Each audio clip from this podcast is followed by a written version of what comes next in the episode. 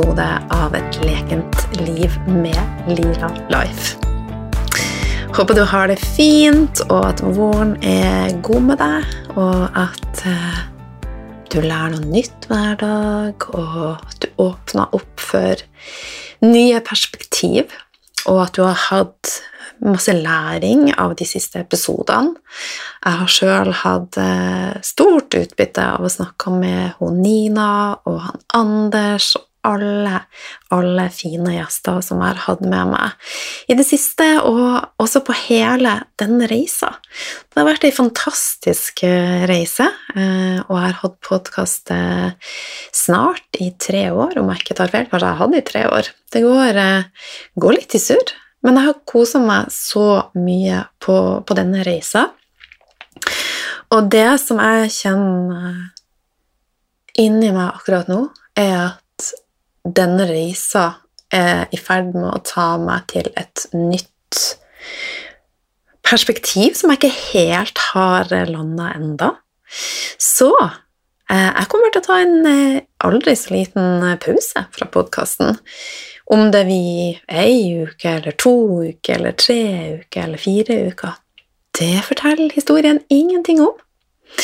Og jeg har bestemt meg for å stole på universet og stole på prosessen, og jeg har i mange år latt meg led, ikke styr, men eh, ja, frykt. Frykt for å ikke være god nok.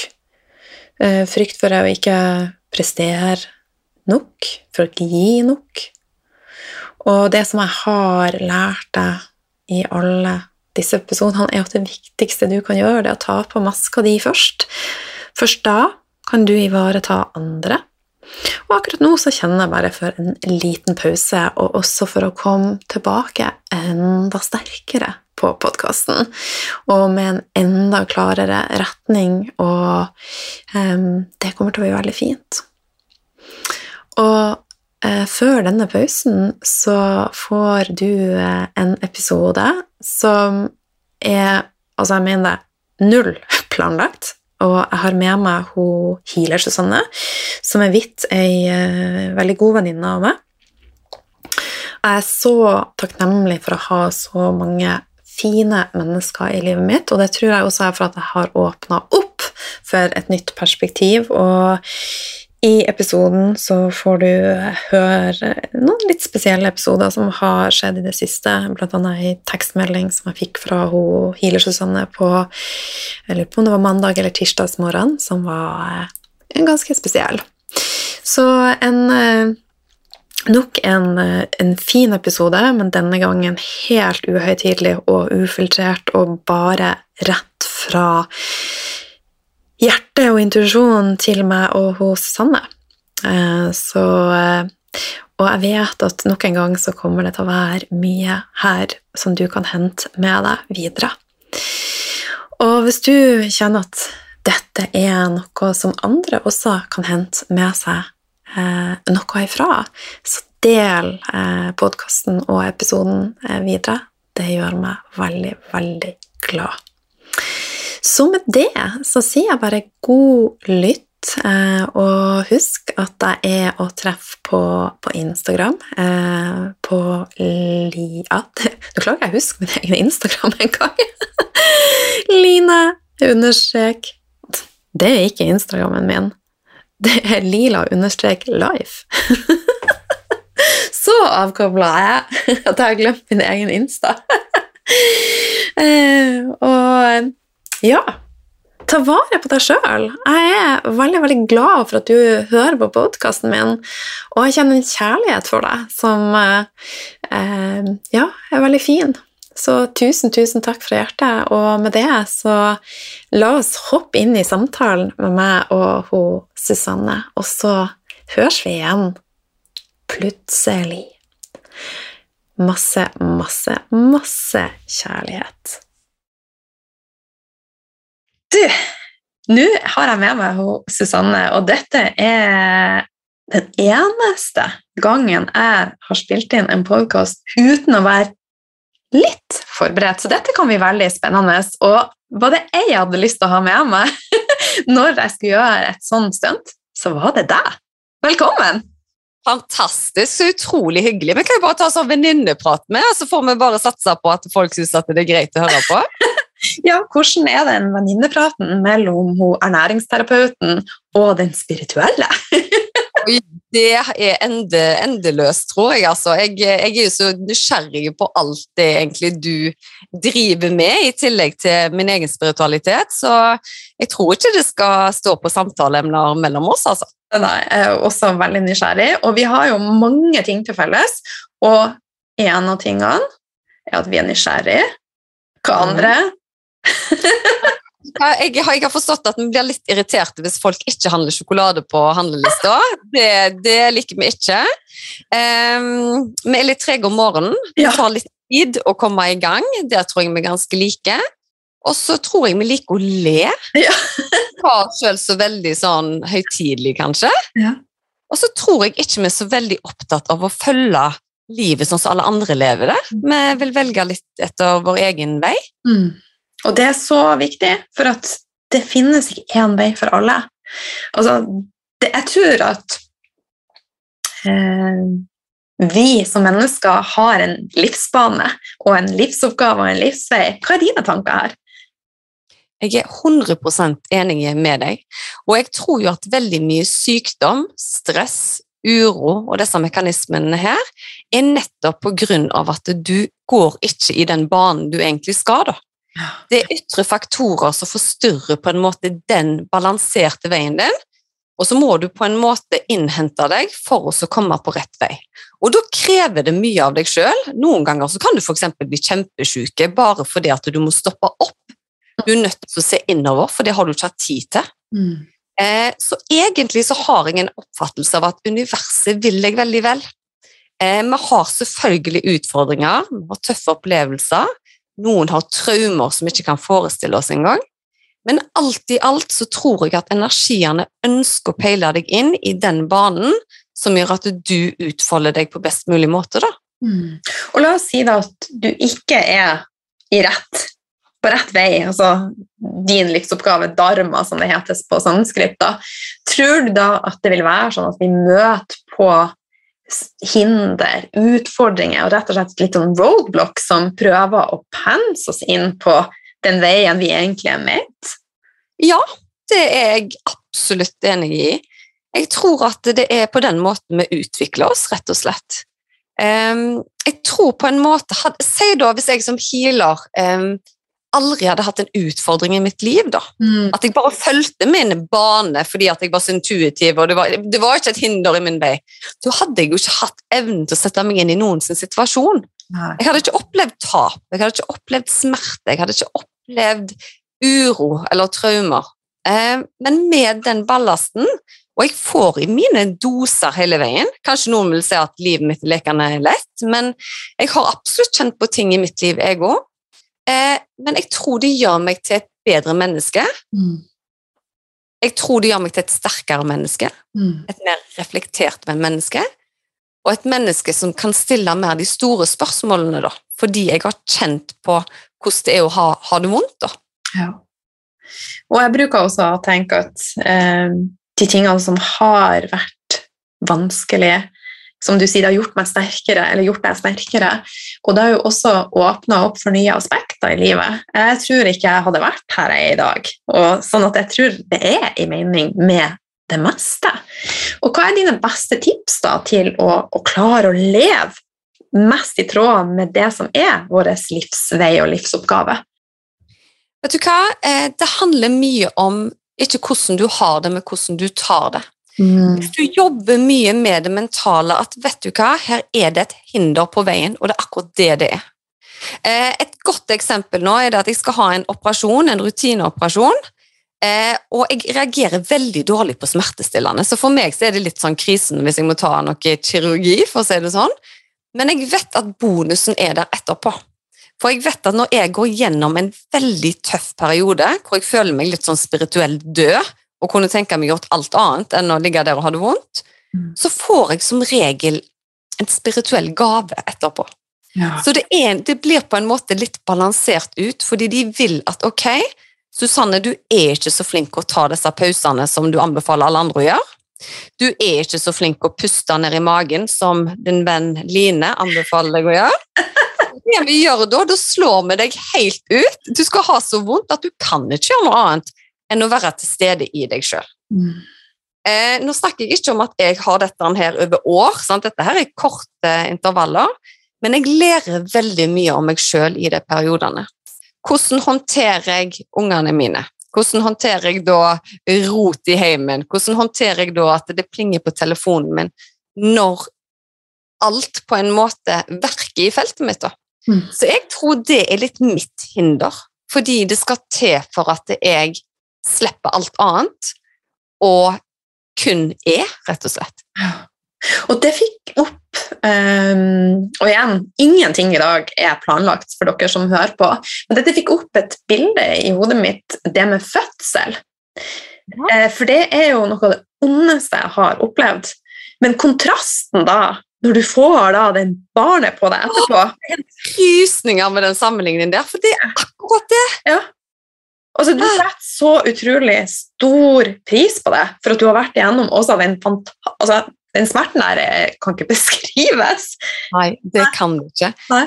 Eh, og eh, for å gå nærmere inn på akkurat det, og det er kanskje ikke så rart at du fikk opp det bildet, det viser bare hvor mye mer intuitiv du har blitt, eh, Line. For en av mine største traumer var jo at jeg mista pappaen min, som jeg var vanvittig knytta til og veldig glad i. Han var bare 50 år gammel. Rett før jeg fødte dattera mi.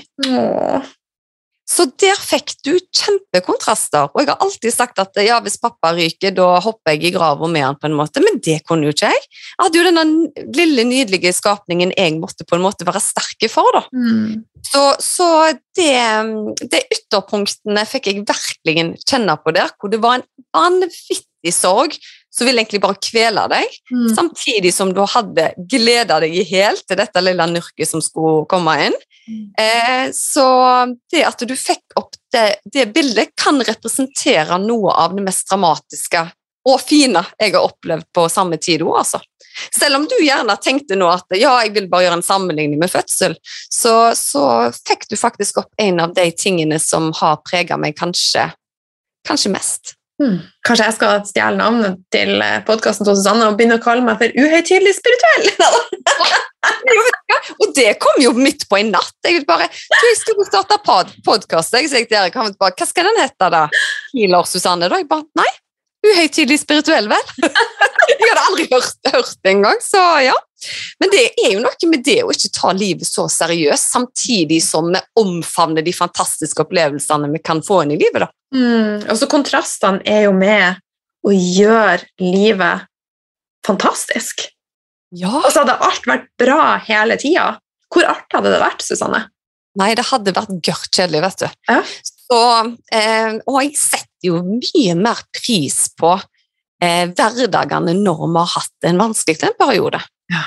Eh, jeg har vært veldig åpen om at jeg har hatt mine helseutfordringer, sånn så jeg var litt hva heter selvforskyldt. Jeg tok en sånn eh, 100 kilo knebøy eh, og trodde det skulle gå fint, og det gjorde det ikke. For å si det sånn. Det er litt sånn når du detter og bare knekker ryggen og bare later som Nei, det gikk helt fint, altså. Gikk ut som jeg var 100 år, liksom.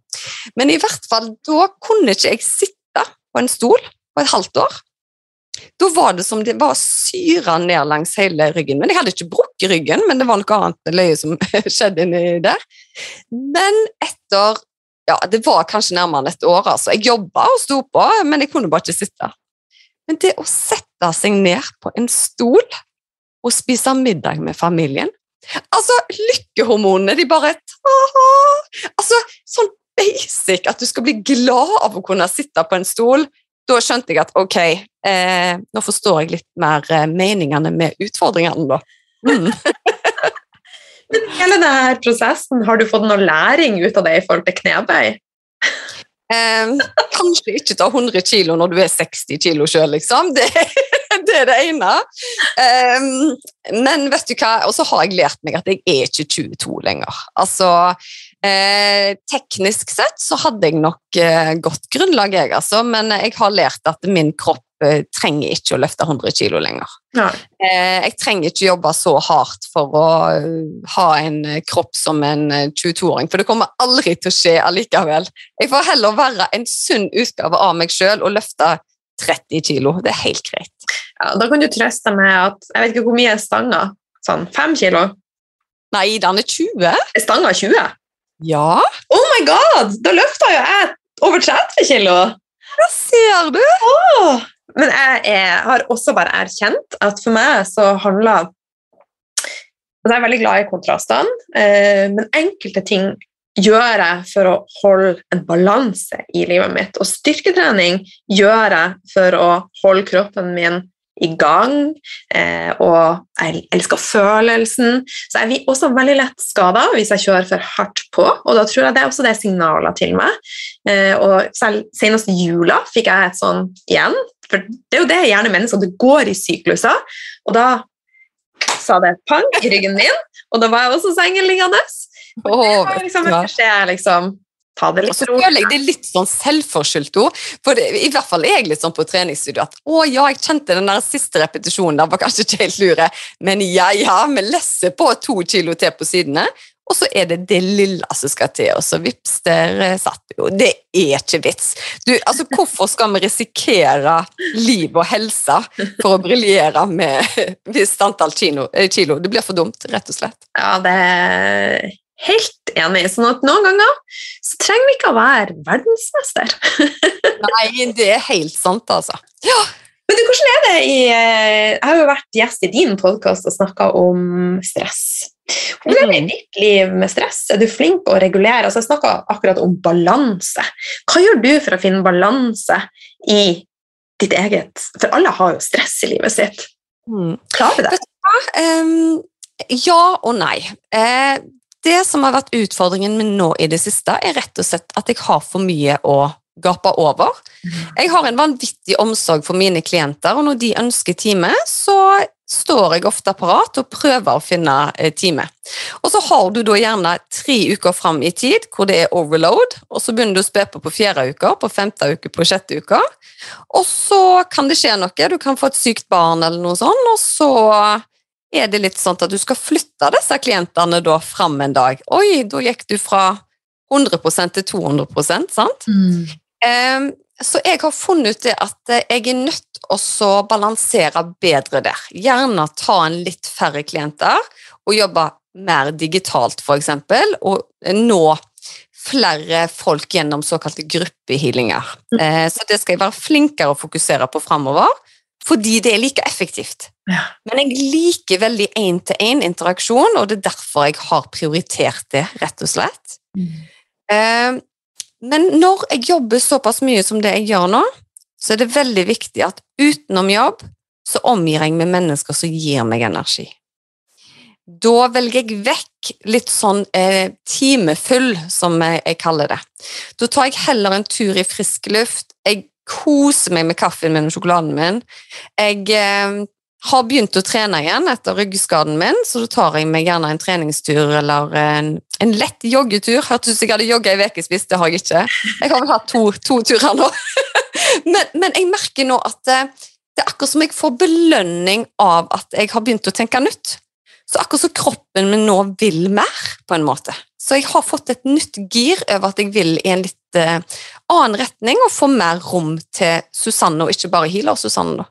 Fantastisk. Og vi har jo eh, prøvd eh, healing online, og det funka jo som bare fy. Vi hadde jo et event eh, forrige måned som var Eller det var kanskje denne måneden? Tida går så fort. Og det var jo veldig fint. Mm. Og det som var veldig sterkt med akkurat den eh, Jeg har sjøl lytta til den etterpå, fordi eh, under selve den felleshealingen der, så var det ganske store svarte hull eh, når jeg jobba. Og det er rett og slett fordi jeg kanaliserer. Så jeg er ikke helt til stede. Jeg er på en litt annen planet og bare formidler eh, krafta. Eh, men når jeg lytta og hørte på den etterpå, så hørte ikke jeg Susanne, men jeg hørte at noen formidla en fantastisk kraft innover i feltet vårt. Og det som var veldig viktig med akkurat den, er det at han skaper en helt ny vibrasjon i hjertet vårt. Sånn at vi mye lettere skal kunne sende lys og få det reflektert tilbake. Mm. Altså det du sender ut, skal du få fire ganger igjen hvis det du sender ut, er godt, da. Mm. Så det at du hadde så mange positive mennesker, og det vet jeg at du har i den eh, gruppa di, eh, så var det med på å øke hele healing-vibrasjonen, altså. Så det var en eh, veldig fin opplevelse for, eh, for meg å oppleve i etterkant, faktisk. Ja. Og det var veldig, veldig fint å, å være med, og så høre på opptakene i etterkant. Og denne uka var det vel Du sendte meg en lydmelding for to dager siden. For, det kan jo være, for noen så kan det være litt vanskelig å, å skjønne dette med healing. Og, for vi er jo programmert til å, å tro på det som vi kan ta på, og healing er jo energi, da. Men da fikk jeg en lydmelding fra hos Sanne Nudel. Jeg bare eh, Line, nå er det noen, eh, noen uker siden vi har snakka, og i natt så drømte jeg om deg. Er det greit at jeg deler dette? Selvfølgelig er det det. Ja. Helt hemmeligheter. Ja, ja, ja. Eh, Så i natt så drømte jeg om deg, og det er akkurat som at det er noe i halsen din. Eh, Jeg klarer ikke helt å Men det er et eller annet akkurat som noen blokkering, eh, et eller annet i halsen, at det stopper kommunikasjonen din. Det var noe i den duren. Var det det Ja, sa? Det, du, det var ganske sånn fascinerende, fordi at eh, i denne drømmen så kom du bare bort til meg litt sånn desperat at vet du hva, jeg klarer ikke å snakke. Altså Munnen din var på en måte helt igjen, og du bare 'Hallo, jeg er så glad i å prate', og du, du, du vil ikke ut, liksom. Og så var det litt sånn 'Du må hjelpe meg', og da tenkte jeg jo på morgenen at oi, vi bør jo kanskje sjekke inn om hvordan hun eh, har det. Åh.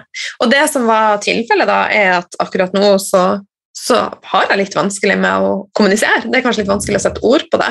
Eh, og jeg hadde fått eh, eksem rundt halssjakraen, og det har jeg aldri hatt før. Eh, så det var jo helt, helt vilt. Ja, det, det er fascinerende hvordan hvordan det kommer gjennom, altså. Det er jo det. Det er det. Og så sier du at eh, ta og hør på lydhinglinga i kveld, og så eh, jobber jeg litt energetisk med det. Og så sa du også at nå kommer du sannsynligvis til å hvile litt slapp de neste to dagene, og det har jeg vært. Men nå kommer det til å gå oppover. Ja, allerede i morgen så er det bedre. Det er litt som om altså, Ingen syns jo det er gøy å rydde. Altså, nå, nå skal du ta alt dritten i boda, og så skal du putte det utfor, og så skal du begynne å sortere. Mm. Dagen etterpå, når du kommer ut på terrassen og ser at alt driten står der, det er ikke en sånn lykkefølelse, men det er veldig lykkefølelse hvis naboen har tømt dritten for deg, og du kommer inn og bare Wow! Er det sånn? er?» og det er det jeg holder på med med deg. Så i morgen så skal du få en sånn sneak peek i din innvendige bod, som ting er mer organisert. Da vil kommunikasjonen bli mye klarere, tror jeg, da. Ja, fantastisk. Jeg gleder meg. Og jeg er så takknemlig for, ja, for deg, og også for at jeg er kommet inn på, på denne reisa. Men det som jeg og du har snakka en del om, er at vi står jo ofte i eh, energiskifter. For at alt er jo energi, og man kommer til en fase der man altså en kind of level up. Og de fasene opplever jeg som ganske smertefull og utfordrende. Vil du fortelle litt om det, og hvorfor det er sånn?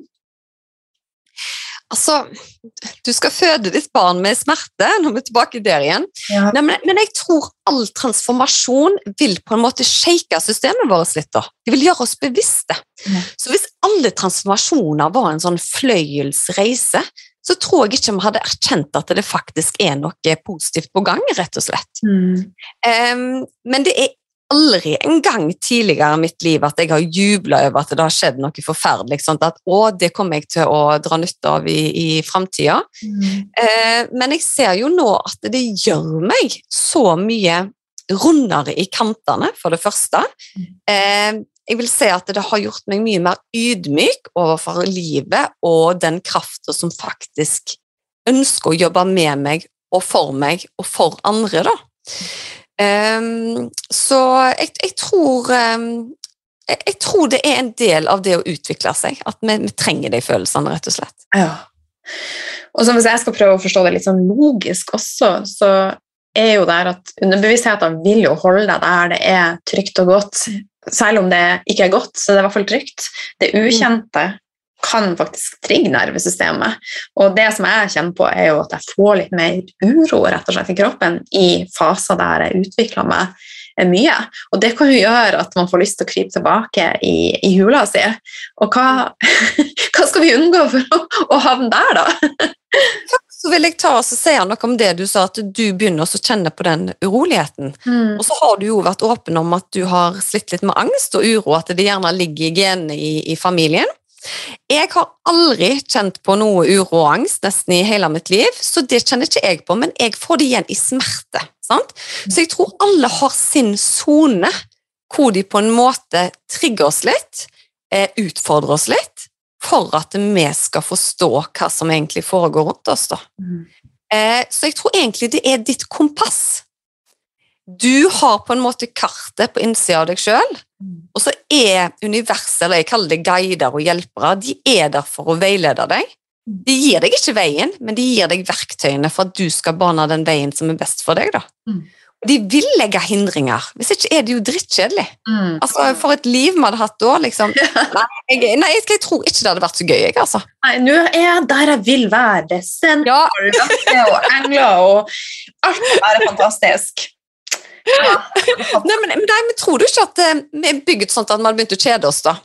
Jo. Og så hadde vi begynt å skape konflikter allikevel. sant? Mm. Eh, du ser jo søsken, for eksempel. De kan sitte i bil i åtte timer og har kanskje aldri krangla. Og så Jeg skal love deg, det kan bli action altså, hvis de begynner å kjede seg. Ja. Hvis det ikke er iPad og ikke musikk, eller sant. Du, du finner alltid noe, noe å, å, utfordre hverandre på. Mm. Så um, jeg tenker at det er greit at vi har, har litt utfordringer. Men selvfølgelig, med all respekt, er de som får mer enn det de kan tåle òg, altså. Ja. Mm. Men uh, som du nevnte når jeg tok opp det med død og fødsel uh, for, Nei, det var smerte og fødsel. Mm. Uh, og så kobla du faren din sin død opp mot det, for du har det knytta sammen. Men um, um, det som jeg tenker på her, som nå står litt stille ja, ja, men du, er ikke så løye at du gjerne står litt stille nå, for det som skjer når meg og deg har snakket om healing, mm. så, så, går jo banene rett ifra meg til deg nå. Mm. Så nå, nå, kan du merke at du kan bli litt sånn ufokusert, og det, jeg prøver å forhindre det, men, mm. men, det er akkurat som de står bare og bare teppebomber deg med, med kraft nå, altså. Så du får bare prøve å puste, og så finner du ut av det. Ja. Så det som var mitt spørsmål, som du mm. klarte å komme bort. Altså, du veileder meg bort. Ja. jeg jeg pensa deg over på deg. Det er din skyld. Jeg snakker meg helt vekk, ja. jeg tuller bare med deg. Men eh, du sa at du merka at jeg var kommet mer i kontakt med min intuisjon. Hvordan kan lytterne komme mer i kontakt med egen intuisjon og hjerte og det spirituelle krafta som de har i seg sjøl? Vet du hva, det er det forskjellige ting vi egentlig kan ta oss og gjøre, men først og fremst tålmodighet. Mm. Eh, og så må en aldri sammenligne seg med andre. Det skal vi uansett ikke i livet, men i hvert fall ikke når det kommer til spiritualitet. Fordi meg som jobber med dette hver eneste dag, for meg er det gjerne vanlig at det kommer en guide fra sidelinjen og gir meg informasjon om Line eller at jeg kjenner at eh, oi, nå pulserer det i hele kroppen, og jeg får en sånn en spirituell orgasme, som jeg kaller det. Det er jo det mest fantastiske følelsen i denne Jeg vil verden. også ha en sånn! Så jeg skal begynne en sånn underskriftskampanje nå for de som har hatt det på kontoret. For de sier det er helt fantastisk, men det er, og det kan jeg forklare litt forskjellen på, for det er litt kult. Eh, det er det at det kommer utenfra istedenfor innenfra. Mm. Så tenk en seksuell orgasme, da, sånn, så bygger det seg opp på en måte innenfra og eksploderer ut, mm. vil jeg eh, forklare det med. Mens en spirituell orgasme så er det en kraft av bølger som kommer helt ut i feltet ditt og skyller innover. Og det er sånn at til tider kan du føle at det, håret, jeg har ganske langt hår, at det kan stå opp i taket. altså. Wow. Det er, det er en så sinnssyke bekreftelse, og da sitter du ikke og vurderer sånn mm, 'Jeg lurer på om det skjedde noe her.' Da har du fått eh, virkelig en kontakt. Men eh, det krever fokus innover. Du må begynne å eh, Hva skal jeg si Med små, enkle ting som å be om tegn. Mm. Eh, har du en morfar eller tante eller familiemedlem eller venn du ønsker kontakt med, så må du begynne å snakke med dem. For de er der i energien. Og du får kanskje ikke svaret med en gang. Men etter hvert så kan du gjerne begynne å legge merke til at hver gang jeg tenker på den personen, hvorfor ser jeg da ei hvite fjør, eller hvorfor blir jeg varm i hendene mine? Mm. Men en av de beste teknikkene som jeg vil lære fra meg, som jeg begynte med sjøl, var fordi jeg var veldig usikker på at har jeg kraft, eller er det innbilning, eller Jeg trengte mer fysiske bevis, da. Så det jeg gjorde på kvelden, var at jeg stilte spørsmål ut til universet, eller ut til hjelperne, ut til noe som var større enn meg. Gi meg en bekreftelse i magen, sa jeg. Det var helt stille den første dagen. Skjedde ingenting. Og jeg tenkte bare nei, nei. Jeg tenkte nei, vet du hva, nå skal jeg ikke gi meg. Kvelden etterpå så gjorde jeg det kanskje sånn i ti minutter. Bare lå, vet du hva, er dere her? Gi meg en bekreftelse i magen. Tror ikke det skjedde noe den dagen heller, men tredje dag Å, det er typisk sånn bibelsk på dag tre der skjedde, skjedd. det. Nei, men i hvert fall, da kjente jeg bare sånn. Du vet sånn som de hadde før i tida, som var sånn poppis når du skulle trene magen, at du tok på deg sånne eh, magneter, eller vet du hva, hva jeg tenker på da? Ja, jeg vet det. Det var noen som prøvde å, å, å få Ja, begynne å bruke det. Jeg var ikke åpen for det da. Nei, nei. Men, eh, men i hvert fall, eh, jeg, jeg så det på TV-Shop når det var aktuelt for 100 år siden. Men i hvert fall, det gjorde sånn at det, magemusklene trakk seg sammen, og så kjente du et sånn zzz, zzz. Det skjedde når jeg da ba om den kontakten. Wow. Og det er jo veldig enkelt, og da får du et sånn fysisk bekreftelse, sant? Og det er sånn som å ha en sånn på magen. Ja, ja, ja. Det var sånn. Eh, og så tenkte jeg dette her er jo veldig gøy, og så begynte jeg å leke meg litt med det. Så sånn, ok, men hvis dere er her nå, gi meg et tegn i fingeren, eksempel. Var, men det tok tid, altså. Så etter hvert så, så ble jeg jo såpass trygg at da trengte ikke jeg å spørre eh, mine hjelpere gi meg et tegn i magen om Line har vondt i halsen. Fordi jeg vet det, men jeg er noe som heter klartenkt. Og vi kan skille klartenkt fra klarsyn. Ja. Så jeg ser ikke nødvendigvis i hverdagen da, eller når jeg jobber som healer, så sier jeg ofte at ja, jeg ser du har vondt i skuldra, eller jeg ser du har vondt i hodet, eller jeg ser at du hadde traume når du var 17 år, hva skjedde da? Mm. Da er det ikke sånn at jeg ser bilder, men jeg bare vet det. Så jeg er noe som heter altså klartenkt. Det blir bare putta inn i hodet på en. Mm. Men du, hvis jeg da, og nå sitter vi her på Zoom, du er i Stavanger, jeg er i Oslo, kan du liksom få opp tanker? Får du opp tanker om meg? Jeg får eh, beskjeder hvis jeg ønsker å koble meg på, så får jeg beskjeder. Men eh, sånn som det fungerer, er ikke sånn at jeg nødvendigvis kan gjøre det av nysgjerrighet. da, For eksempel sånn Ja, nå skulle jeg ønske at jeg kunne fått vite hva hun tenkte, eller sånn. sånn. Eh, de kommer til meg hvis det er positivt for deg, da. Ja, ok. Og så er det nok til at vi skal skape en tillit. Det er ikke sånn at jeg leser alle tankene til de som kommer inn på kontoret, men folk tror jo det. Ja. For idet jeg kommer inn, så vet jeg jo bare Oi, du heter faren din Alf. Han hilser fra andre sida her, ja. Å ja, du hadde noe når du var fem år. Hva skjedde da? Var det akebrett? Nei, det var kjelke. Ja, ikke det samme gang. Men i hvert fall, men, men det er akkurat som jeg får en sånn referat da, over ting som har på en måte en pekepinn på hvorfor du har kommet der du er i dag. Mm. Og veldig ofte når de kommer med årstall, så er det viktige årstall. Ja. Mm. Så da kan jeg eksempel si at hva skjedde da og da? Og jeg hadde jo noen sånne med deg første gangen jeg snakket med deg. Ja. Da kom du opp i ulykker og noe sånn, husker jeg. Ja, du tok et årstall, og da var det en dramatisk bilulykke i familien der jeg mista tre familiemedlemmer på én dag. Og, da, og da er det ikke sånn at jeg ser den ulykka, Nei. men jeg har lært meg til å stole på det som detter inn i hodet. mm. Eh, og en annen øvelse en kan gjøre, eller hvis en ønsker å bli mer i kontakt med det spirituelle, er jo dette her med intuisjon, Mm. og spille videre på den. Mm. Men hvis du, Line, sitter i sofaen og ser på en film, er veldig engasjert, du, du tenker ikke på noen, eller eh, ja eh, Og hvis det da er f.eks. navnet til ei venninne som du ikke har tenkt på på en stund, som dukker opp veldig mange ganger, Ja. da kan det være at hun i energien sin ønsker kontakt med deg på et eller annet vis. Ja. Det kan være at hun tenker på deg, trenger deg, osv. Ja. og etter hvert så kan du bli ganske trent på det, altså. Mm. Um, og være bevisst på hva som kommer inn. Eh, jeg hadde en veldig morsom episode faktisk eh, for et par dager, eller jeg vet ikke hvor morsom han er, men eh, for meg så var det litt morsomt, fordi jeg skulle egentlig legge sammen klær, så var det altfor fint vær, så jeg tenker nei, jeg rigger meg til ute på solstolen istedenfor.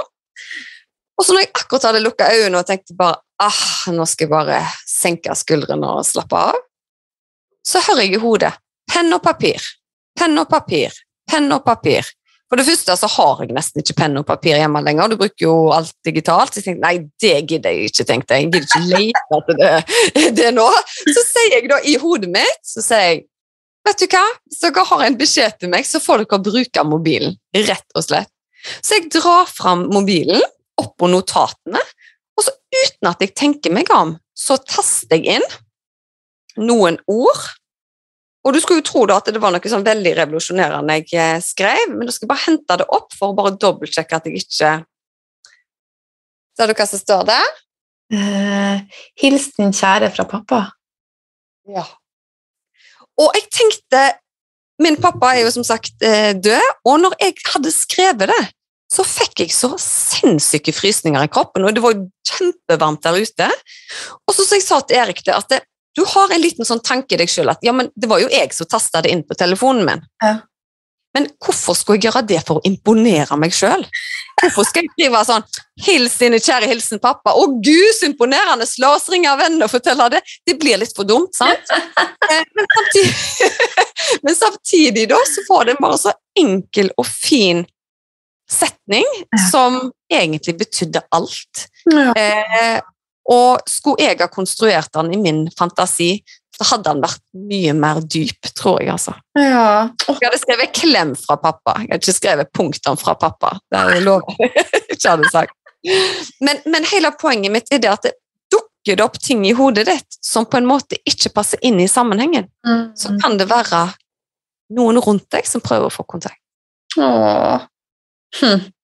Så for oss eh, som ikke er der du er, Susanne, vi har ikke så mye kontakt med dette ennå, så handler det om å få rett og slett mer balanse i livet vårt, og balanse i, i stresset, og ja, gå mer innover. Men for deg så er denne balansen litt annerledes. Fortell! Ja, vet du hva? Eh, Det snakket jeg faktisk om i min egen podkast nå, i den eh, episoden som kommer nå på søndag, faktisk. Fordi jeg får veldig ofte spørsmål at å, når du drar på ferie, da får du sikkert masse tid til meditasjon og fokus på det spirituelle og koble deg opp til både hav og fjell og, og dette her. Eh, og jeg blir veldig inspirert når jeg ser at andre gjør det, men når du jobber sånn som meg, så er jeg pålogga spiritualitet hele dagen. Fra morgen til kveld nesten. Eh, jeg kobler ut når jeg trener, det gjør jeg. Men så når jeg drar på ferie, for eksempel, så har jeg behov for å kun være Susanne. Ja. Da har jeg lyst til å skåle med Prosecco med boblebade med ei venninne. Jeg har lyst til å le av dårlige vitser. Jeg har lyst til å fjase. Jeg har ikke lyst til å ha på en måte en stor guide som skal fortelle meg meningen med livet. da, skjønner du? For det, det, det krever mye av meg energetisk òg. Ja. Og hele veien være en kanal for andre, da. Ja. Men det skjer helt automatisk. Det er ikke sånn at mine venninner tenker å, nå må Susanne logge av spiritualiteten. Jeg tror ikke de kommer på at jeg er spirituelle da engang. Eh, så mine barndomsvenninner, de, de tror jeg tenker lite over healer Susanne, altså. Ja. Så Mm. kult, da. Men får du da Det viktigste er jo at du får henta deg opp og lada batteriet. Og hvis du gjør det med dette, så er jo det det viktigste. Da kommer jeg så uthvilte på jobb, og da er jeg alltid klar for kjempeaction. Og så har jeg og Erik alltid samme samtalen før jeg skal tilbake, om det er en ferie eller det andre ting som har gjort at jeg ikke har fått vært på jobb. Så sier jeg sånn, å herlighet, hvordan skal jeg gå på jobb da? Altså, jeg er jo spirituelt død. Jeg kjenner jo ingenting. Altså, jeg kjenner ikke en bølge eller sånne ting. Sier han. Ja, men Susanne, dette skjer hver gang. Ja, men tenk hvis det ikke skjer noe. Tenk hvis jeg går på kontoret, så har folk vært på ventelista siden 2009, liksom. Men idet jeg setter meg i bilen, så er det bare vroom. Ja. Ok, der var de. Mm. Ha. Tviler du noen gang Ja, du, selvfølgelig så gjør du jo det. Du sa jo at du tviler på det. Men eh, det er jo så spesielt. Å, jeg skulle ønske jeg, skulle ønske jeg kunne vært der en dag og bare kjent på det. Ja, men vet du hva, det, det skjønner jeg. Men der har vi snakket om disse ytterpunktene, sant? fordi jeg hadde jo ikke satt pris på disse enorme spirituelle opplevelsene. For det første hvis de var hver eneste dag. Mm. Det er de ikke, men jeg må innrømme at det er mye. Ja. Nå, altså bare den siste uka, det var sånn en elektrisk stemning inne på, på kontoret. Og klienter jeg har hatt før, sa at de kjente det allerede idet de satte seg på venterommet ut forbi. Hva pokker er det som skjer inne på det kontoret der? For det var helt sånn elektrisk. Og det er, nei, det er så spennende. Ja. Men jeg klarer jo ikke å forklare det alltid. Jeg prøver så godt jeg kan, da, men eh, ja. Det ligger jo noen videoer på Instagrammen din der du healer, og du ser at kroppen til den du healer uten at du rører på dem, bare beveger seg. Det er jo ganske speisa. Jeg tok en eh, ny eh, kirurgisk healing i dag, og da var det ei dame som jeg jeg skal lagt ut den på Instagram til, til ære for dine lyttere, for jeg er ikke alltid så flink til å dele, men det skal jeg gjøre. Eh, og det som er da, at hun blir operert i tommelen sin, Ja. og den ligger og beveger seg i sånne merkelige bevegelser. Du, du ser at det ikke er naturlig.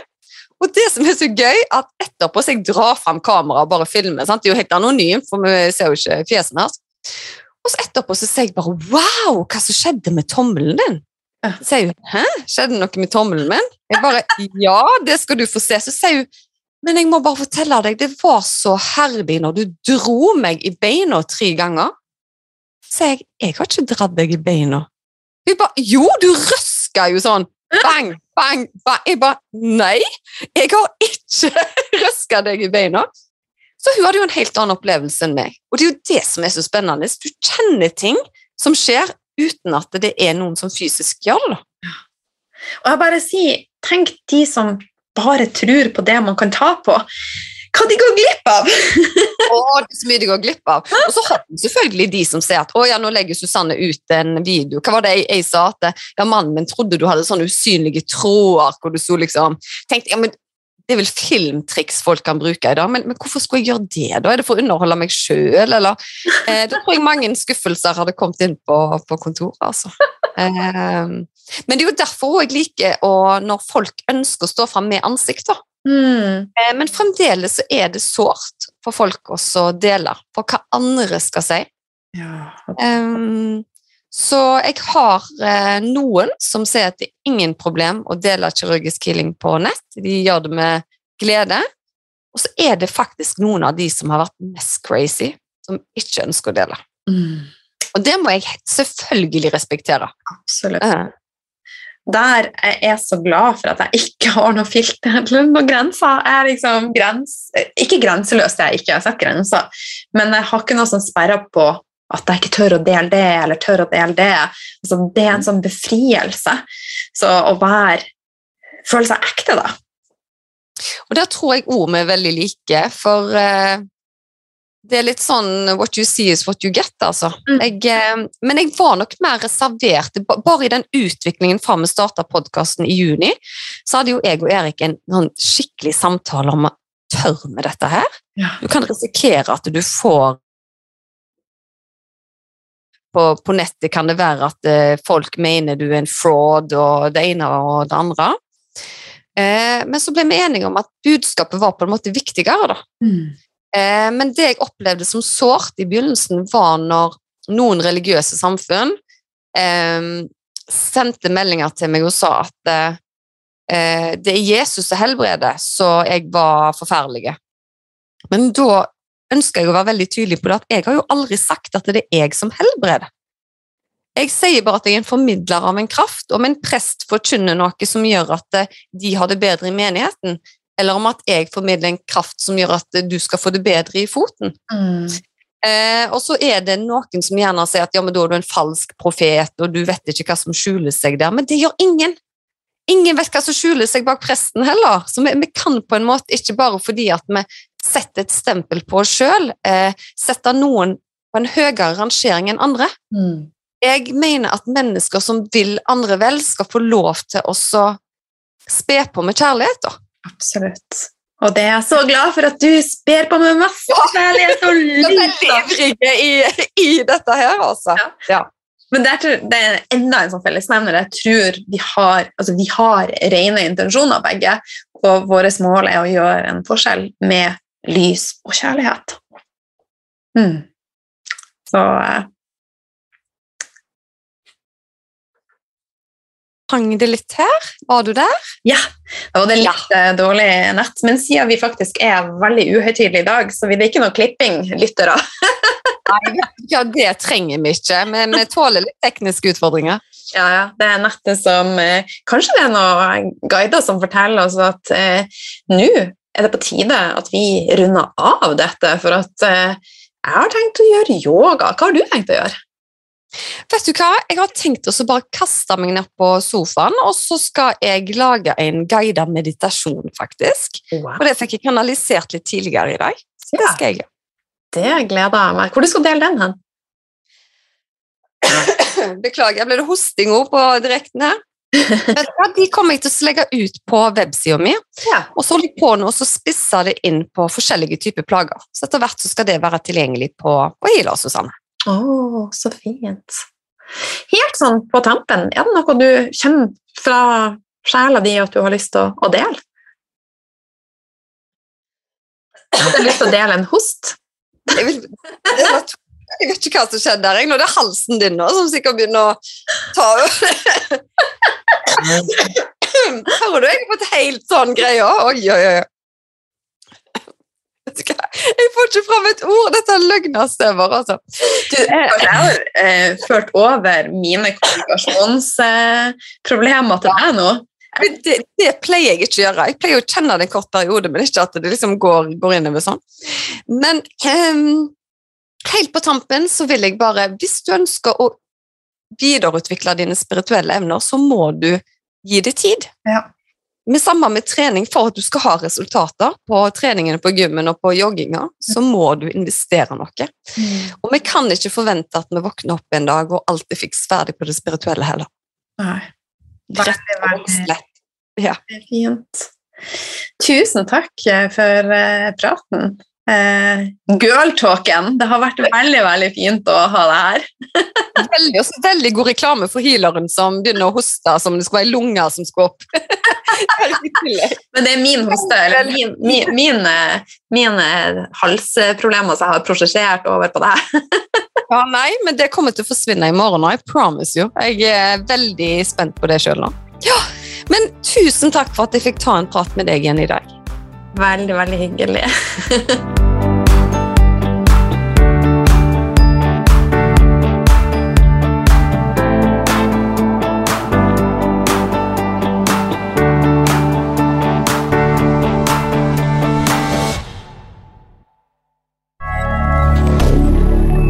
media.